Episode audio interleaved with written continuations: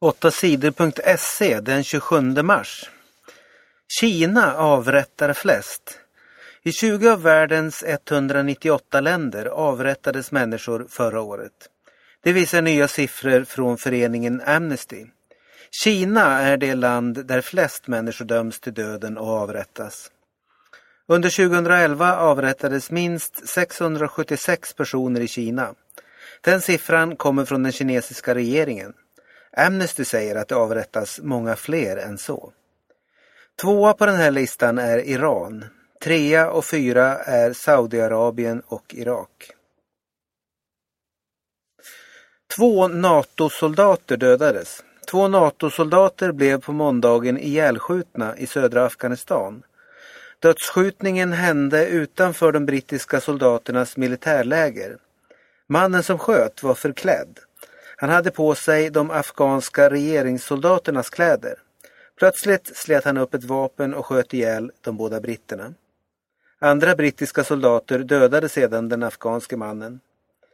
15 NATO-soldater har blivit dödade på liknande sätt det senaste året. Förgiftat kött lades ut i naturen. Någon har lagt ut förgiftade köttbitar i naturen i Bingsjö utanför Rättvik.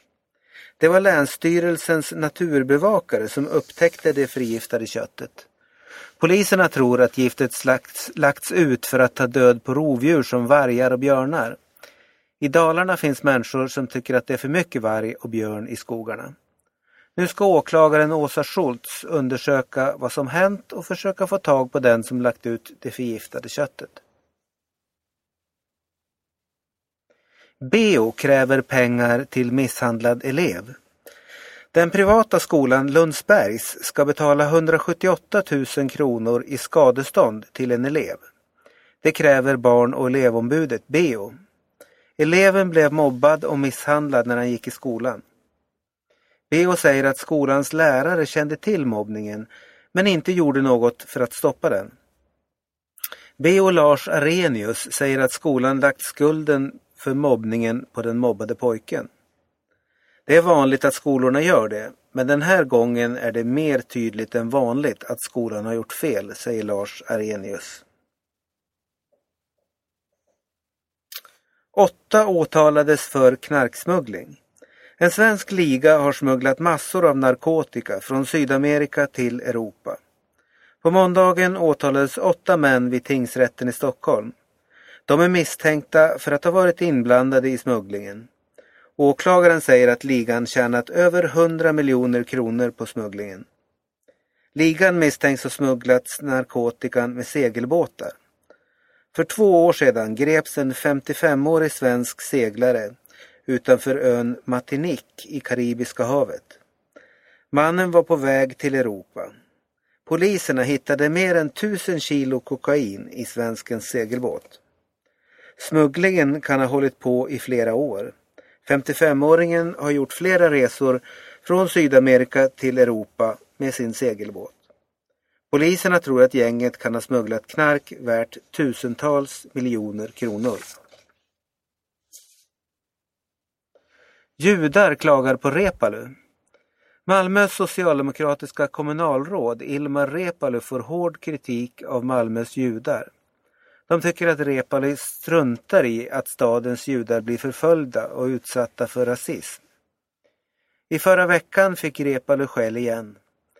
Den gången för att han sagt att politiker från partiet Sverigedemokraterna i hemlighet gått med i en judisk organisation i Malmö. Där ska SD-medlemmarna ha spridit hat mot muslimer. Nu har Judiska centralrådet i Sverige klagat hos Socialdemokraternas nye ledare Stefan Löfven. I nästa vecka ska Löfven och partisekreteraren Karin Jämtin träffa den judiska organisationen och prata om Reepalu. Påven på Kuba. Påven Benediktus är på besök i landet Kuba.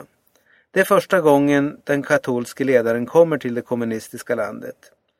Kubas ledare är oroliga för att regeringens motståndare ska demonstrera under påvens besök. Minst 70 politiska motståndare har gripits av poliser. Vid påvens första mässa i Kuba greps också en man som ropade protester mot regeringen.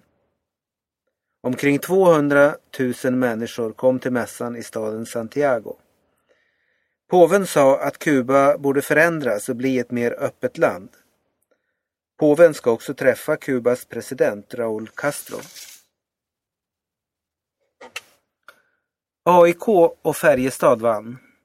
Det blev en fin start för AIK i semifinalerna i SM-slutspelet i ishockey. AIK vann den första matchen mot Skellefteå med 4-1. Färjestad vann sin match mot Brynäs. Vid full tid stod det oavgjort 2-2. I förlängningen var det Färjestad som var starkast. Patrik Lund gjorde 3-2 i den andra förlängningsperioden. Färjestad tog en viktig seger. Semifinalerna spelas i bäst av sju matcher. Lagen som vinner fyra segrar går vidare. Lagen möts igen på onsdag. USAs nya sjukregler ska granskas. År 2010 fick USA efter mycket bråk en lag som ger alla rätt till vård när de är sjuka. Sjukförsäkring för alla var president Obamas viktigaste vallöfte. År 2014 ska den nya sjukförsäkringen vara helt klar. Då ska alla amerikaner ha en sjukförsäkring. Det har blivit mycket bråk om saken. Obamas motståndare gillar inte att människor ska tvingas ha en sjukförsäkring. De säger att ingen amerikan ska tvingas köpa något som den inte vill ha. Att tvinga på folk en sjukförsäkring är ett brott mot USAs grundlag, säger motståndarna. Nu ska USAs högsta domstol undersöka saken. Domstolen ska ge svar på om sjukvårdsreglerna bryter mot USAs grundlag och därför måste stoppas.